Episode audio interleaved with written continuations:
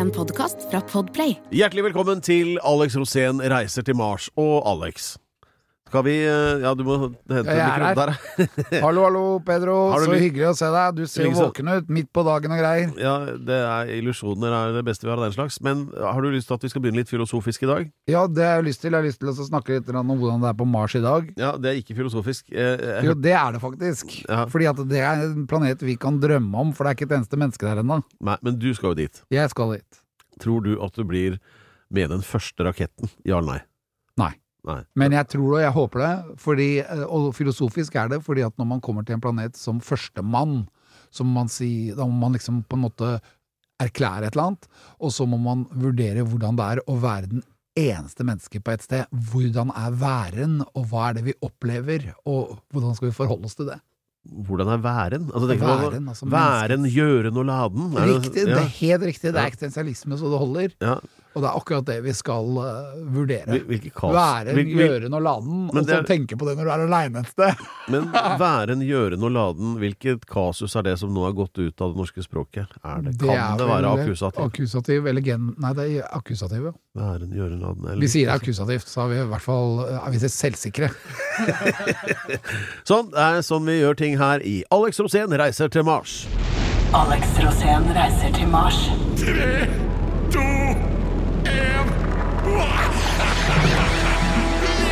liftoff. We have a liftoff.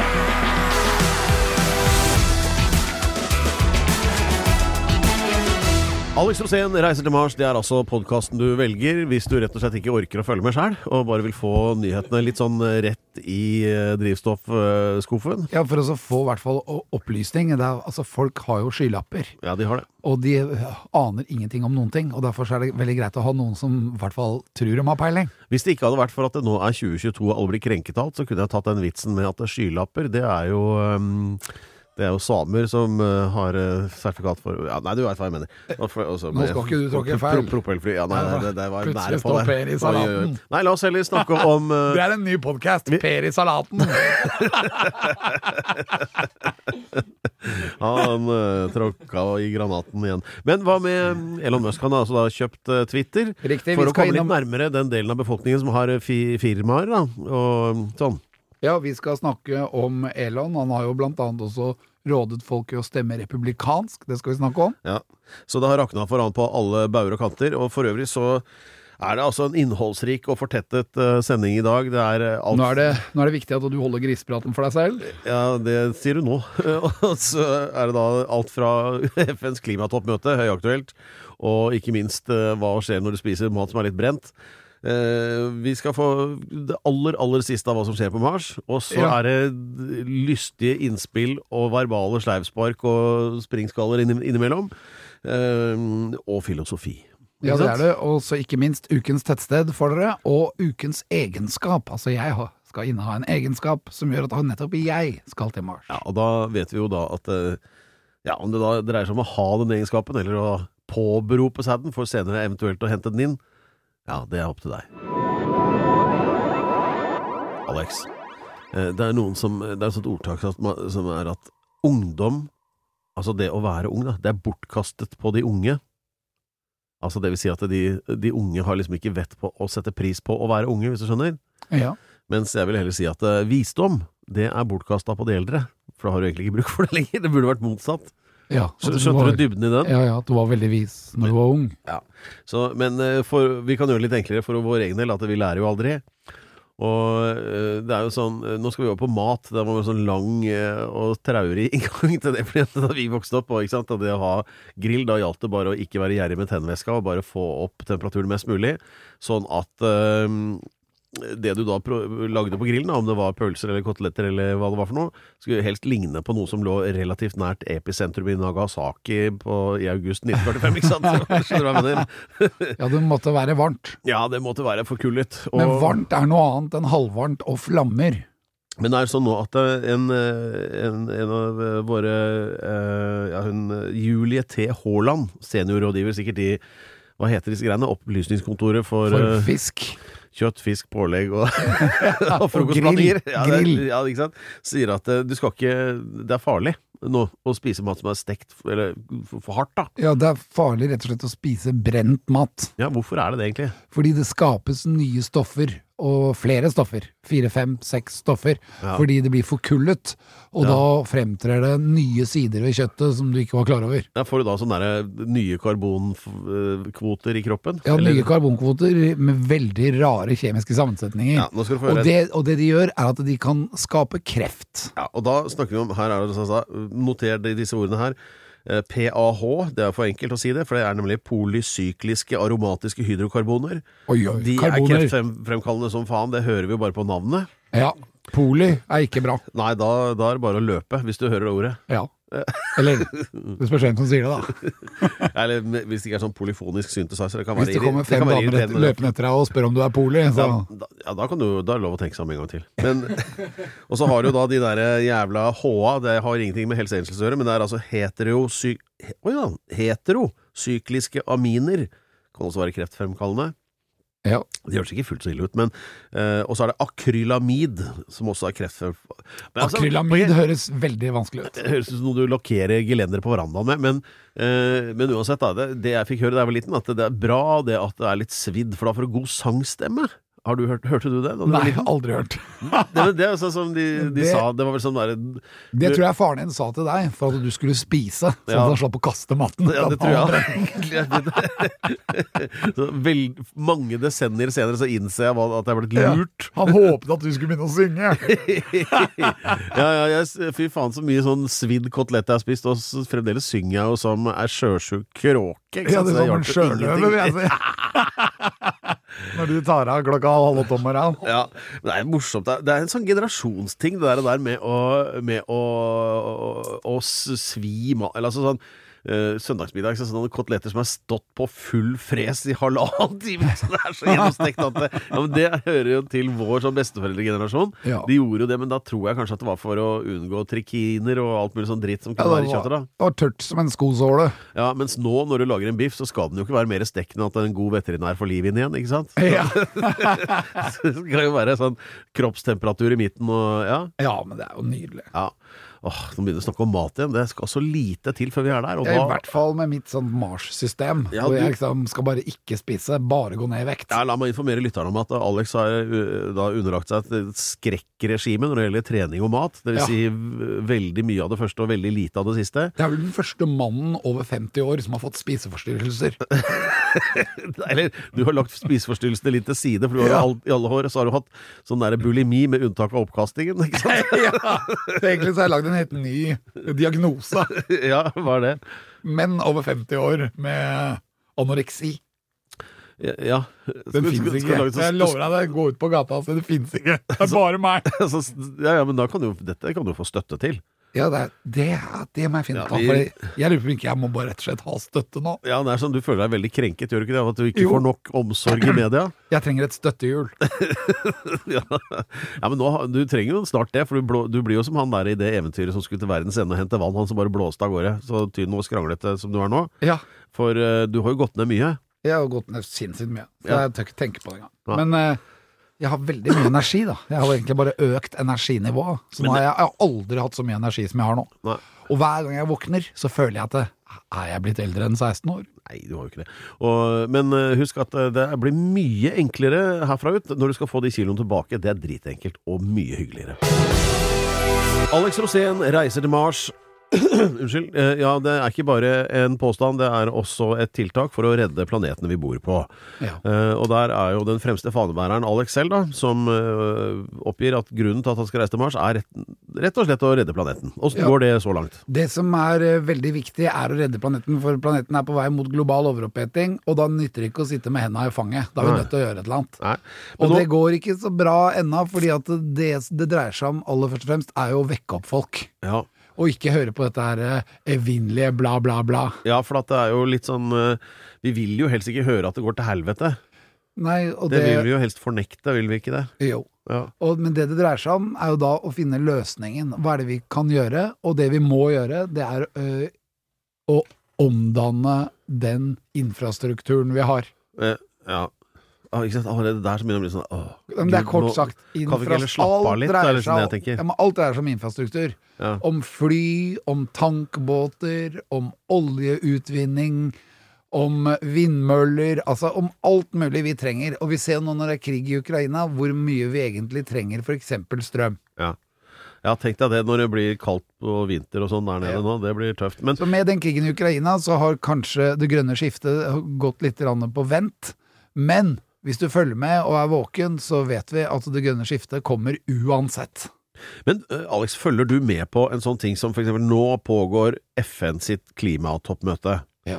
Og det er jo det eneste organet som på vegne av hele planeten på en gang da, prøver å få de ulike nasjonene til å forplikte seg til å foreta seg et eller annet. da. Ja. Hvordan går det der? Men når det er noen land da, som har vetorett inne i FN, Ja, og de kan jo bare ødelegge. ja, det, Som f.eks. Kina eller Russland eller USA. ja, Og dette er store land som bare kan si nei, det gidder vi ikke, og så skjer det ikke noe. ja. Og da er vi liksom Det er bare sånn Ok, da skjedde det ikke noe, da. Sånn at det, det, er, det kommer ikke til de, de, kan, de har masse gode hensikter, men jeg tror ikke det er der denne forandringen kommer til å skje. Nei. Der den forandringen kommer til å skje, er på hver enkelt av oss menneskene, og særlig også de firmaene vi driver. Altså de driver, der vi tjener penger. Mm. Det er der, det er der forandringen må skje, for da snakker vi om alle. Det at vi har noen sånne politikere som sitter i et sånn der forsamling, Ja. det hjelper ingenting. Men Det er vet, bedre da med Greta Thunberg, ass, for å si det sånn. ja, men jeg vet jo det at øh, Og dette, mine venner som lytter, kan dere tro på eller ikke, men det er sant at her nå nylig, her om, for få dager siden, så var øh, herværende Alex da eh, i eh, den kanskje mest fasjonable restauranten i landet. Ja. eh, Rett til Stortingsgata, annen etasje på Hotell Continental. Holdt foredrag for landets milliardærer. Ja. Som, satt, som tente skolebarn og lyttet til Alex sin forklaring på 'slik redder vi planeten'. Fra global overoppheting. Ja. Og, Og det men, var men det, helt utrolig. altså, en, ting, en ting er liksom hvordan How the fuck did you end up there? Det er jo én ting. det, det hopper vi bare over nå, men det, dette skjedde. Og da går du i med Fynd og Klem og Elvis på scenen der, og? Og Ja, og det første jeg sa, nå er det på tide at dere våkner opp. Ja, så, Og så la jeg det være stille en liten stund, Ja. sånn at de våkner opp. Men det jeg hørte da, var at det, det, Og senere så var det sånn eh, mer sånn prat om sånn ting de kjenner, sånn en milliard her og en milliard der og sånn. sånn som de er, men det var ditt foredrag som var rocka gulvet The den dagen The talk of the town. Ja, Så hva sier du da til de som kan faktisk få gjort noe? Det som jeg sier da, er at eh, for å redde jorden fra global overoppheting, så er dere nødt til å våkne opp. Ja. Dere som har penger på privat initiativ. For det private næringslivet i hele verden, det er de som forsøpler mest og skroter til mest, og derfor er det også de som må redde planeten fra global overoppheting. Ja, men Hvis de skal begynne å gjøre ting miljøvennlig, så tjener de jo mindre penger, og det vil de jo ikke.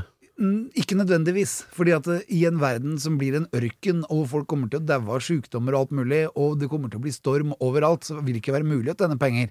Så derfor, for at de skal kunne tjene penger, og deres firmaer skal kunne tjene penger, og gi flere arbeidsplasser, så er vi nødt til å lage grobunn for bra næringsliv. Og det Ja. betyr at vi må redde jorden fra global overoppheting, og at vi må begynne å blomstre igjen. Ja, ja. At jorden må på en måte bli bærekraftig. Så jeg sier jeg har tre verdier. Det er inkludering, samhold og det viktigste av alt, bærekraft. Ja. Og det er jo sånne verdier som alle firmaer har, og så ler jeg litt når jeg sier det, og da begynner folk å le. Ja. Fordi jeg har hørt det hundre ganger! Jo, og det altså- er jo bare svada, det betyr folk- jo ingenting. Ja, men folk er folk til og med milliardærer er jo delvis folk, ikke sant? Sånn at det, da sitter de der, og dette er jo vanligvis gubber som er uh, godt opp i åra og kanskje har igjen eh, ett eller to tiår å leve, og er egentlig bare sugne på å bare fortsette å kulen med alle penga sine og kose Nei, men det er det jo ikke. Det, det, er- det er jo feil. Det er, er du forutinntatt. Ja, det de er absolutt. hypp på, det er å skape uh, mere penger. Ja. Sånn at hvis du, Og ikke sitte med de du har, for da vil jo alt forsvinne. Det er Ja, ja, et veldig altså- stort ansvar å ha, ha mange penger. For at hvis du har veldig mange penger, så har du også veldig mange penger, folk ansatt. Ja. Du har ansvaret for veldig mye. Så det er jo, jeg hadde fått magesår hvis jeg hadde hatt like mye penger som de som satt der. Fordi da måtte jeg da måtte, Det er et gedigent ansvar. Ja. Og det, eh, og det er jo også en del av dette her med jorda. Sånn at det henger jo, det er veldig komplekst, og det henger veldig sammen. Og jeg tror at hvis vi bare skal vedta på, altså på statsnivå hvordan vi skal redde jorden, så vil Ja. ikke noe skje. Det vil bli akkurat som å betale skatten. Men Ja. hvis vi klarer å få med oss det private næringslivet på det, Ja. og vi klarer å få med alle de folka som faktisk er forbrukere, så vil ting skje. Fordi vi er, skal vi redde jorden fra global overoppheting, så må vi tjene penger på det. Ja, så, men hvordan skal vi få til det, da? Ja, Det er jo det store spørsmålet. Det er da jeg begynner å prate om infrastruktur. Ja. Eller Elvis. Ja, Eller så begynner du med et sånn kung fu-show. Ja. ja, men Kung Fu-show er veldig Det er lattermildt. Og med en gang jeg da begynner å gjøre Elvis-fakter på scenen, som da henger sammen med kung fu, så får jeg en helt egen oppmerksomhet fra Ja. publikum. Og den liker jeg, for da ler de litt. Da tenker de at jøss, nå gjør han noe han ikke kan igjen. Så det er rett og slett for lite kung fu i internasjonal politikk og kapital. Ja, men det er jo det, på en måte. Man kan tøyse det bort, men en annen ting er jo det når det gjelder infrastruktur, Ja. så er det den forandringen vi må gjøre. Og vi, vi skal til Mars. Ja. Der er det ingenting. Der er det bare sand. Eller det er jo tre-fire satellitter som går rundt Mars, og så er det et par rovere, faktisk tre stykker, som går på bakken. Mm. Men utover det så er det ingenting der. Så der må du bygge fullstendig ny infrastruktur, og det må vi gjøre på jorden også. Så når vi gjør det på Mars, så vil vi lære av feil og lære åssen vi gjør det. Og så vil vi lære åssen vi skal forandre jorden i en positiv retning for å redde jorden fra global overoppheting. Ja. Men altså, øh, så til det håndfaste, da. For at øh, selv for eksempel, så har jeg jo en god del verktøy. Men jeg, jeg kan ikke liksom bare sette i gang og bygge infrastruktur på Mars. Øh, Det liksom, kan du! altså, nei, Du kan gjøre det! Jo, men hvordan nå tar du du feil. Pedro. Ja. For du kan gjøre det hjemme i din kåk. Så kan du sette opp solcellepaneler. Ja. Du kan skaffe deg et batteri. Du kan lage hele huset ditt til å bli et kraftverk. Og så kan du selge strøm til andre. Du kan få konsesjon, og du kan egentlig revolusjonere verden selv. Og alle kan gjøre det. Alle som bor i et hus, kan gjøre det. Eller Ja. om du bor i en leilighet, da må du få med borettslaget. Ja. Og kline til og dra på. Og dette her er mulig å gjøre nå, men man må gjøre det faktisk selv om politikerne ikke har lagt opp til det, så må vi gjøre det. For det er vi, enkeltmenneskene, som kommer til å redde jorden. Greit, da skal jeg gjøre det da. Men først er det lunsj.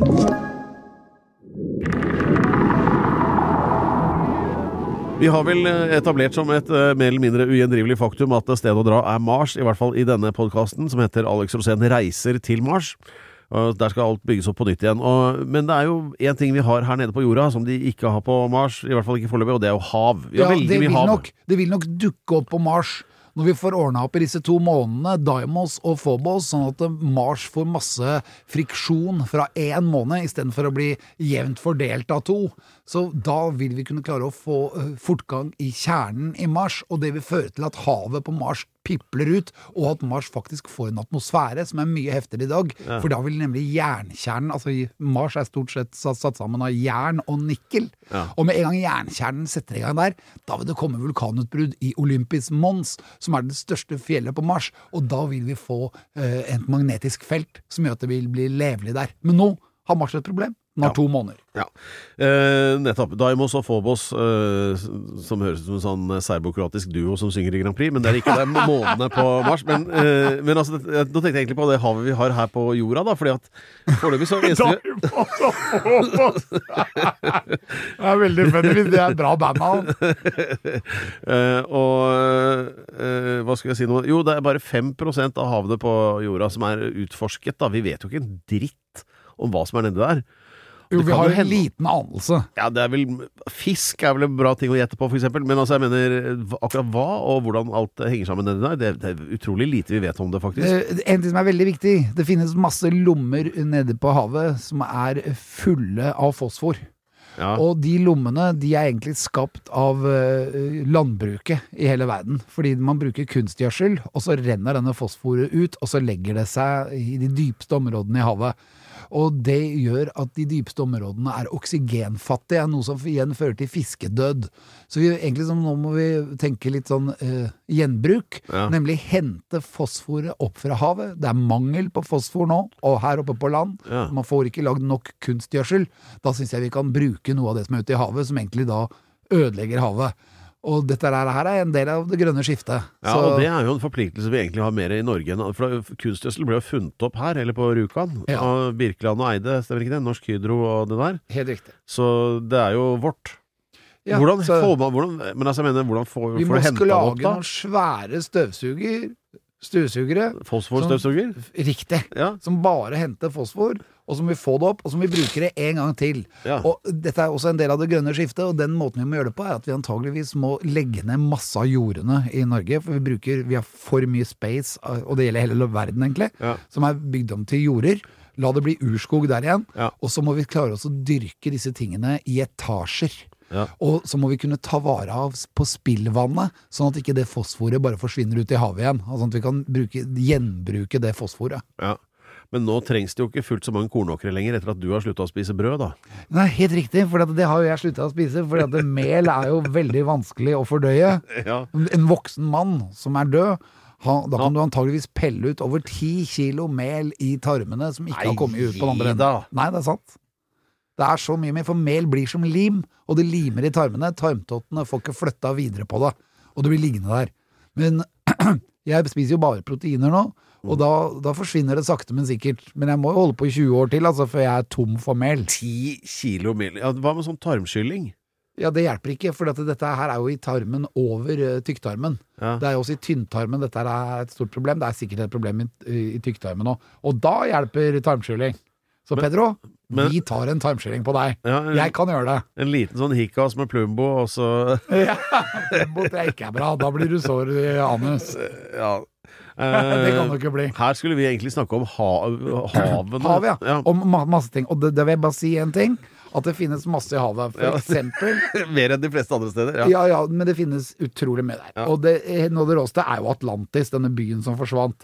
Det kan jo ligge flere steder, men jeg var blant annet nede og dykket nå i Kroatia, og da så jeg masse under havet som jeg ikke har sett noe annet sted. Hva da? Og for eksempel borekjerner. Hva for noe? Plus, altså kjerner som er tatt når de har boret et eller annet sted. Ja. Så får du sånn kjerne inni boret Ja. som kommer opp Ja. for å lage det hullet du lager. Og så plutselig har de bare lagt det et eller annet sted, da. Men det lå masse av det ute i vann der, og jeg fant til og med små statuer, så jeg tenkte jo det er så flott sten i Kroatia. Det er jo denne hvite kalksteinen, som du kan egentlig gjøre hva du vil med. Det jo, du kan jo lage statuer. Så jeg dro opp masse sånne kjernebore, altså sånne runde rør. Ja. Men jeg tok meg opp på land igjen, for jeg tenkte at det, du vet jo aldri, kanskje sønnen min skal bli sånn derre steinhugger. ja, da satt du og, og erekterte et eller annet der, da. Ja ja, jeg vil jo erektere uh, statuer. Ja. Det er jo det man gjør med monumenter og statuer. Så, og jeg har jo alltid morsomme ideer. Altså, det skal jo bare, jeg skal jo bare se en sten før Ja. jeg finner på et eller annet å gjøre med den stenen. Og det er jo veldig gøy, da, for at når du har barn, så tror de jo at du er blitt gæren vet når jeg begynner å prate. Ja,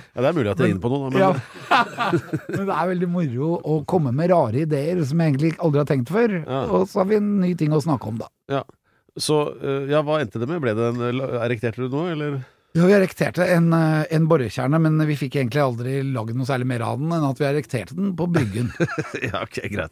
Men jeg vil si også en annen ting, og det er eh, angående fjellformasjoner under vann. Det er jo jeg veldig fascinert over. Ja. Uh, utenfor Andøya så finnes jo denne fantastiske Eggakanten, som tar imot veldig mye av Atlanterhavet. Det er en fjellformasjon som på den ene siden er 3500 meter dyp, og på den andre siden 250 meter dyp, så den er jo formidabel fjellformasjon. Ja, det er som en sånn eh, ja, Det, blir ganske brådypt der, ja. Ja, og de- derfor kan du reise rett ut fra Andenes eh, på Andøya, og, eller Bleik, og så kan du seile rett ut, og så kommer du da til denne kanten av Er eh, ikke- Eggakanten. Er ikke det kontinentalsokkelen heter? Som er på nedsida, ja. Ja. På, på, på, der hvor det er dypest. Ja. Men når du ser det, der kommer det masse hval. For de svømmer jo ned på bånn for å så leke med blekkspruter. Og når de da kommer fram de gjør? Men når de da De svømmer på bånd for å leke med blekkspruter. ja, ja, for det er masse blekkspruter Ja. på bånn. Ja, ja. Og da, hvalene okay. har jo ikke noe særlig annet å leke med. da er det jo, er jo blekksprutene som er morsomme for dem, for den har jo så mange armer. Ikke sant? For alle hvaler syns jo Ja, det er funny. Men i hvert fall, når de er ferdige med å leke med blekkspruter, så kommer de til Eggakanten, og den fremstår jo som en fjellvegg. Og bang! Så kan, kommer de jo ikke videre, for der er det jo fjell. Så Ja. svømmer de rett opp, da. Ja. Og når de kommer til 200 meters dyp, så er det ikke sånn normalt for dem å svømme bortover igjen, for da, da tenker de at nå må jeg ha luft. Ja. Så går de helt opp til toppen, og derfor så ligger det hundrevis av hval der. Det kan være spekkhoggere, Ja, ja, de det kan ha, være spermasetthval, ja, vågehval. Altså det ligger alle typer. Så det er veldig spennende å dra ut der og ta en sånn liten hvalsafari. ja. Og den, den er der. Men det er et annet sted. Rett sør av Kapp Verdeøyene, Hvor det er et utrolig spennende sted, da. ja. Og det er fordi at det finnes en fjellformasjon der som er skapt av en meteor. Altså en meteor som har kommet fra verdensrommet, kanskje den passerte Mars før den traff jorden. Ja. Og så lagde den et fjellformasjon som ligger på sørsiden der. Og det vil jeg at alle skal ta en liten titt på der hjemme, dere som hører på denne Ja. podkasten. Ja, Ta og google det. Og det er Great Meteor Table Mount. Den ligger på minus 218 meter. Og er et av de få fjellene i Atlanterhavet. Og det har ikke vært forsket noe særlig på det, så eh, det kan man da titte litt på selv. Men det er veldig spennende fjellområde. Great Meteor Table Mount. Ligger på Ja. minus 238 meter. Og der kan man jo bygge en liten sånn Atlantisby, da. For da er man på en liten fjelltopp. Man slipper å være på 3500 meter, man kan være på 200 meter. Og det er hyggelig. Tror du byen Atlantis fantes? På Ja, det tror jeg absolutt. Og jeg vet også hvor den lå. Hvor da? Eh, Den lå antageligvis på Santorini, i det greske Eller I- i Tera, som noen sier. Ja, fordi der der var det et, eh, et vulkanutbrudd som eh, lagde veldig mye fest på den øya, og gjorde den øya sånn som den ser ut sånn som den gjør i dag. Egentlig så er jo hele krateret under vann. Men eh, veldig mye av det minoiske riket hadde sitt hovedsete der, og dette forsvant. Og da forsvant hele byen. Og dette her var nok 100 år før Homer fikk skrevet om dette her. Sånn at eh, det, det, det, det lå i deres historie av denne forsvunne byen. Så jeg er litt overbevist om at det er der. Og det er veldig Ja, gøy å dyrke det som, altså Santorini, da, der er det jo en eh, på den, eh, Det er vel på sørsiden av øya, så er det en sånn fjellvegg som er den starter i fritt fall, og så blir det brattere. Altså Det er jo det er kanskje 200 meter rett ned der. Og, og så er det sånn svingete vei à la Trollstigen ned der. Og så er det halvbrisende, lodne greske bussjåfører. som- For at ferja går jo der nede, og byen er på toppen. Ikke sant? Så de kjører opp og ned der hele dagen. ja, ja. Med turister, med livet som innsats. Og er eh, Oddsene er ikke spesielt høye for å overleve, eller i hvert fall å unngå bilsyke er umulig. Og ja, det er grusomt sted, sånn sett. Men ellers så er det jo mye fint på Santorini. Nesten annenhver- annethvert hus er gullsmed, la jeg merke til. Ja, og det, Og alt annet er helt topp. Men, der ligger men det der masse det ut som det- ruiner. Masse ruiner på bunnen av havet. Ja, så poenget mitt det ser ut som liksom, halve øya har ramla av og ute i vannet på en måte pga. den der bratte fjellveggen. Så er det du mener var Atlantis, da? Ja, og tenk deg de, de som bodde der, de bygde til og med eh, labyrinter oppe i, i Gamvik, Mehamn, i, i Finnmark. Hæ? Og det er drøtt. Men, Si det en gang til. Altså, hva var forbindelsen med Finnmark og Santorini? En gang til? ja, Hvem, hvem kom fra hvor og gjorde hva? De flytta opp derfra til Mehamn i, i Finnmark. Why the f... Altså Nei, fordi at det var det nordligste punktet. Det har jo vært et par fylliker oppe på, i Finnmark og kalt det sitt nordligste punkt i, i, i, sin verden. Ja. Blant annet en eh, thailandsk keiser, eller konge, på 1400-tallet var der oppe og kalte Mehamn og Finnmark og, og Nordkapp for eh, Thailands nordligste punkt. Mens eh, i Santorini så var de oppe og gjorde akkurat det samme, bare et eh, par tusen år før det. Ja, Apropos Thailand, det, du vet, det, gikk traileren til den der Kill Buljo 2, den norske filmen. Så synes det er så gøy når han er med den gule joggedressen og kameraten kommer ut av flyet da i, i, i Bangkok, og så, så slår han ut med armen, og så peker da ut mot uh, Thailand. Da. Se her! Thailand! Det eneste stedet med mer klamydia enn Finnmark. Det er så bra. Det er ned og gjøre det folkelig. Det er én ting til jeg vil gjerne fortelle, Ja. og det er når det gjelder hva som er under havet. Så er det en veldig spennende by i Jamaica. Helt ytterst ved flyplassen, når du lander på Jamaica Airport på Kingston, Ja. så kan du egentlig bare kjøre det flyet helt til enden. Da kommer du til en by som heter Port Royal, som var det gamle sjørøversetet der. Okay. Når engelskmennene angrep den byen for å fjerne sjørøverne på Jamaica, så var det et lite vulkanutbrudd der også, som gjorde at halve byen raka ut i havet. Oi. Så over halvparten av den byen, altså 200-300 år siden, den ligger ute i havet, og der kan du dykke ut, og så kan du dykke mellom gatene, sånn som det så ut for 300 år siden. Utrolig spennende. Nok et Atlantis, men det var nok ikke der Atlantis var, for det Nei. tok jo mange år før den hvite mannen sto der, da. Port Royal, ja, tenk deg det. Der, hvis du leter litt på Da kan du sikkert finne sånne gamle leirkrukker med rom, tenker jeg. Tror ikke det? Der, Jo, det- du kan finne hva du vil. Ja. Det er bare fantasien som setter begrensninger der. Det, det, så hm. Så det var i hvert fall noe av det som finnes under havet, da. Det er jo mye, mye mer. Ja. Blant annet Blücher i Oslofjorden, men det skal vi ta en annen gang. Torsken kommer ifra havet, og den havner i din mave, som vi vet. Ja, som lutefisk. Podkasten du har valgt å lytte til, uh, for alt jeg vet helt uten grunn, er eh, Alex Rosén reiser til Mars. Og som vi nå forstår, at eh, her er det noen, noen kausalitetssammenhenger som er bisarre. Men en ting som er i hvert fall helt sikkert, at skal du til Mars, så må du skjerpe deg. Og det er det Alex holder på med nå. Og ikke bare i forhold til matveien, som vi nettopp hørte om, og, men, men også mange andre ting. Og ca. 100 er tallet vi har kommet frem til, er egenskaper som er nødvendig for å ha noe som helst å gjøre på en rakett til Mars. Stemmer ikke det, Alex? Jo, det, det stemmer absolutt. Og jeg er jo i hardtrening nå for å kunne klare å komme meg til Mars, for jeg Ja. må jo ned i oksygenforbruk Ja, så du har jo oppgitt Vi startet på, på Altså, vi skal telle ned, da. 100 grunner til at du passer som astronaut. Og vi begynte på 100, så teller vi ned, så vi har kommet til 67 i dag. Si 67, at, grunn 67. ja, 33 av dem er avholdt, og det er alt fra munnhygiene og å være årvåken, standhaftig, å være god kokk Ja, Det aller første var vel arvemateriale, at jeg hadde et godt arvemateriale. Jeg var jo 96,8% høyskandinav. Ja, ja, så genetisk selvskryt der i første episode. Også, men nå har vi da kommet til Men hva var de andre 3,2 prosentene? Ja, det er vel eh, Ja, de er ikke navngitt av hensyn til eh, ja, Jo da, jeg vet nøyaktig hva jeg er. Jeg. Ja, hva er det? Finsk-urdu. Jeg er 3,2 Nei, finsk-urdu. Ikke urdu, det er kanskje så ugrisk i så fall, for det er jo da en Og sånn jeg er finsk-urdu. Ja, Så du kan være urdu hva du jo vil. Urdu er jo et eh, språk i uh, Midtøsten. Eller Ja, altså Så da har jeg noe slikt der òg, da. Blanda Ja. med litt finsk. Altså, Tenk deg det urdu som er omtrent umulig å forstå, så blande inn finskere. Da blir det i hvert fall Men, Ja. det, er- men samme det. Da har du meg. Ja, så ja da, nei, det blir jo ikke noe særlig klarere enn dette. Men nå skal vi da til grunn nummer 67. Ja, Og, det blir, dette blir viktigere og viktigere grunner, da.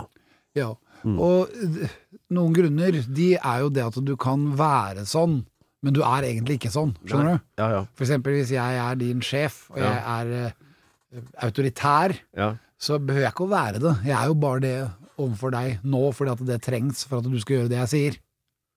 Ja, dette her er så fjern virkelighet at jeg klarer ikke å forestille meg det engang. Men, eh, men ja, jeg, jeg forsto poenget. Ja, det er rett og slett bare for at eh, noen ganger så må jeg si sånn, så må jeg snakke hardt til deg, så må jeg si sånn Pedro. Nå må du gjøre som jeg sier! og da må du det. Ja. Og det er, det er nettopp det, at jeg kan være autoritær. Så denne, og jeg kan ikke bare være autoritær, jeg kan også være ukens grunn, som er veldig viktig. Og det er de gangene, eh, for, for eksempel when it comes to blows, heter det på engelsk. Ja, det altså det når du henger i en tynn tråd. Ja, okay. Og hvis vi ikke fikser opp i denne løsningen her akkurat nå, så kommer dette til å gå dårlig. Eller hvis du har sjekket opp en dame som er underdanig, så er det veldig viktig å ha den egenskapen. Og Og den har jeg. Come to blows? Ja. Nå, Altså hvis jeg Det er jo forskjellige måter å opptre rent seksuelt, da. Og i min seksuelle oppførsel så er dette her, her en veldig bra egenskap å ha. ja, nå er jeg spent, for vi skal få alle disse løse trådene til å henge sammen. Ja. Og det ukens grunn, altså ukens egenskap, er Ja. at jeg kan være, kan være, og det er veldig viktig, for det hele er jo et slags skuespill når man er sånn, jeg kan være dominant. kan være Dominant.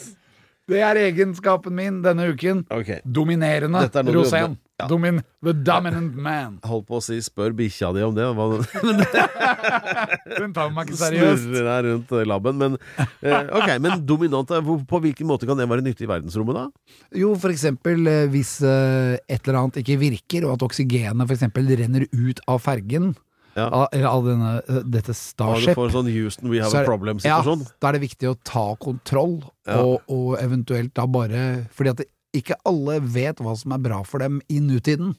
Og da er det veldig viktig å bare eie rommet og Ja. være dominerende i det øyeblikket vi skal redde uh, Starship fra å implodere i verdensrommet. Mm. Så må jeg bare jeg, jeg skal ikke være an asshole eller en drittsekk akkurat nå for moro skyld, men jeg er nødt til å bare være det inntil at vi har løst dette problemet. Holde hodet kaldt i en krisesituasjon og ta kontroll over situasjonen. Det er vel det yeah. du snakker om? The dominant man. Ja. Og, men det er det mulig å tro på, og grunnen til at jeg tror på det, det er at det er vel ingen som har opplevd såpass mange akutte kriser og kinkige situasjoner som deg. Så du har, har fått øvd litt. Ja. Ja, ok. Dominant, eh, dere. Ukens tettsted. Og da har vi kommet fram til det aller koseligste øh, se- Segmentet. Se- se- øh, I vårt program. Ja, og det,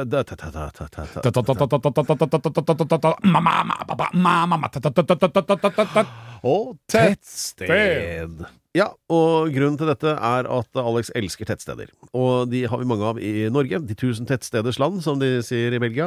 Og der eh, det, det vil jo ingen ende ta. Du har kåret hundrevis av dem til ukens tettsted i en hvileløs søken etter hvilken av de passer aller best til å bli gjenoppbygd på Mars, for der trengs det jo tettsteder på et eller annet tidspunkt. Helt riktig, nå har vi kåret altså ukens tettsted i fem år eller noe. Ja, Og det har jo. Ja, vi har aldri nevnt samme tettsted to ganger. Nei, eller det kan jo hende, men det er bare for at glemt det, da. Men det er ikke Ja. med, med vond vilje. Jeg vet i hvert fall at vi aldri har kåret Våtvoll to ganger. Nei, men altså, Hva med en dobbeltkåring? Det er jo veldig ærerikt hvis noen blir kåret to ganger. Ja, det er jo det. Jeg har, og det er ett tettsted som jeg vet vi har kåret to ganger, og det er Båstad. Ja, ok. Så Båstad har jo ligget veldig godt an, og det ligger godt an ennå. Båstad er et sånt tettsted som virkelig er et tettsted. Når du kjører inn fra den ene siden, så er du i tettstedet, og når du kjører ut, så er du ute. Ja. Men det er jo også gjengs for ganske mange tettsteder, akkurat det, da. Det er det. Ja. Det er helt riktig. Det er noen tettsteder som er evigvarende, sånn som Våtvoll i, i, i, um, Vesterålen. Ja. Men eh, det var jo fordi at det var så utrolig lite tett. Ja. Men skal vi gjennomgå reglene en gang til? For det er, for mange, det er litt uklart for noen hva, hva er egentlig et tettsted. For altså, det, altså, hvis det er en by, det skjønner alle. Hvis du har bystatus, da er det ikke tettsted lenger. Så det kan ikke kåres. Nei. Eh, men hva må til for at det skal være et tettsted? Et tettsted det må være relativt tett. Ja. Det er det hele? Ja, det er jo egentlig det hele. Det er veldig hyggelig om det er en butikk der, men det må ikke være det. Nei. Vi- Når vi kåret f.eks. Korsen til tettsted, så var det jo ikke butikk der. De Altså- måtte faktisk til eh, nabotettstedet for å handle. Ja. Mens eh, det er veldig hyggelig at det er en kirke. Når Ja. vi kåret Feda, så var det jo en kirke der, og Ja. den er jo utrolig piktoresk, og syns veldig godt fra lang avstand. Ja. Så det var jo veldig viktig der. Så det er ikke noe sånn med antall innbyggere per kvadratkilometer? Det er ikke noe sånne Nei, det er ikke det, men det bør være litt tett. Det, ukens tettsted er faktisk veldig tett. Ja. Det er så tett at de som bor der, er ikke klar over hvor tett det er. ok. Og det er fordi at det, har, det kommer nye bygninger hele tiden. Du ser ikke tettstedet for bare tett, tett, tett? For bare tetthet, ja. Og det er kanskje dette tettstedets problem, at det er litt ubegrenset, og at det ikke får status som by, men det kommer til å få det. Men det er sånn som Bærum. Bærum er jo landsbygd, enda det bor 150 000 mennesker der. Jo, men Sandvika er by. Ja, men det er bare en bitte liten del av Bærum. Jo, men, eh, Mens det mesteparten av Bærums folk bor jo mellom Sandvika ja, og men Oslo. Bærum, Bærum er jo et veldig stort område, da, så alt kan ikke være én by. Nei, det, Bærum blir aldri by. Da kan ven- vente til det blir 250 000 mennesker. Det er ikke by ennå. Nei, for det er jo Så Bærum er et veldig morsomt tettsted. Ja, det er en Men- stor kommune, da. Ja, ja, hvis det er kommune. Det er jo det. Det er det kanskje. Bærum og Asker Ja, men dritt i Bærum, det er ikke dit vi skal. det er ikke dit vi skal. Vi skal til den andre sida av byen. Vi Ja. skal nemlig veldig nærme Oslo. Vi skal til et sted som egentlig i utgangspunktet var et veikryss, og så uh, ble det kalt et kors. Så vi Ah. skal til en kors. Altså ikke Korsen, da, i Namsos. Det begynner på. Det på S, det her. S, ja. Ja. Og det er ukens tettsted. Ja. Det er så tett at folk ikke aner at det er et tettsted engang. For, for dem er det bare benevnelse av et område. Men eh, det har tettsted. Det blir jo skjært opp av E6-en. ja. Og der er det eh, Ok, hvis du skal til Gardermoen fra Oslo, så vil du omtrent midtveis komme til et sted hvor det er en Shell-stasjon på hver side av veien. Ja. Er jeg på sporet nå? Da er du på sporet. Du er i sentrum. og det er et nydelig tettsted. Og jeg kjenner folk som bor der, og jeg får følelsen av at jeg egentlig er i en slags drabantby til Lillestrøm, men det går jo ikke an siden Lillestrøm i seg selv er en drabantby. Ja. Men eh, vi kårer det til ukens tettsted, og gratulerer, for det er første tettstedet på den veien opp til Gardermoen Det er, vel kåret. det er vel første gangen dette stedet har blitt kåra til noe som helst, tror jeg. Ja! Og så, det, jeg, sorry, Kløfta, men ukens tettsted er Skedsmokorset! Skedsmokorset, dere! Skedsmokorset, gratulerer med dagen! Endelig et tettsted nært Oslo som vinner denne kåringen. Ja, fantastisk. Og det har vel egentlig ikke sett, skjedd siden Nashnes. ikke siden Nærsnes. Og dermed er eh, nok en epokegjørende episode av Alex Osen reiser til Mars over. Og hvis vi skal gi et lite sammendrag av eh, episoden da, så måtte det jo være det at eh, det har vært en myriade av ektefølte tiltak som Alex mener er bra for å redde planeten, for det er egentlig ditt mål. Ja, det er det. Det eneste vi glemte å snakke om, det var Musk og at uh, han eh, mener at republikanerne uh, Folk med stemme på republikanerne. Det var det eneste vi ikke fikk Ja, men det er helt umulig å forstå, så det har ikke Nei, men har Grunnen til det er fordi at han liker at disse representantenes hus eh, skal styres av republikanerne, mens det er demokratisk eh, eh, president. Og grunnen til det er at da skjer det ikke noe. Og det er for han eh, litt eh, hyggelig i forhold til sitt AS at det kommer ikke noe lakseskatt. Sånn ut av skapet, plutselig. Lakseskatt? Hva Ja, det fikk vi i Norge. Lakseskatten kom jo Ja. sånn. Oh, ja, ja. Og så uh, falt alle sparepengene til folk ned 50% Og det var jo veldig kjipt for de som hadde investert i laks, da. Ja. Mens eh, hvis du har da dette Representantenes hus, eh, republikansk og demokratisk president, så da får ikke presidenten til noe. Nei. Og det vil jo da se at eh, Det det er betryggende for økonomer. Fordi da vil det ikke skje store forandringer. Og det er jo det, er jo det økonomi dreier seg om. At det er forutsigbart. Ja.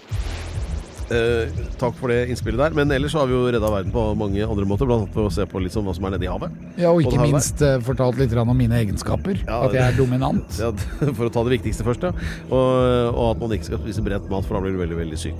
Så eh, ja, det syns jeg er en grei Ja, oppsummering. så jeg skal vi bare takke for eh, researchen. Ja. Det har vært fantastisk. Ja. Igjen. Ja, Han dukka jo opp her for ti minutter siden cirka. Altså, Ja, og hadde med seg de papirene som vi kan bruke neste uke. ja, det er gjenbruk. Det er Og tusen takk til Remi, Ja. vår, vårt unge alibi. Ja. Og tusen takk til deg, Pedro Gianfranto Loca de la Ustados Horn, som har vært en eminent programleder. Og ikke minst, takk til meg selv. Tusen takk.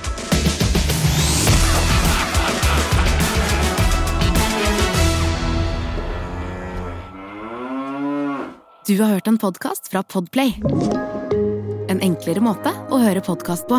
Last ned appen Podplay, eller se podplay.no.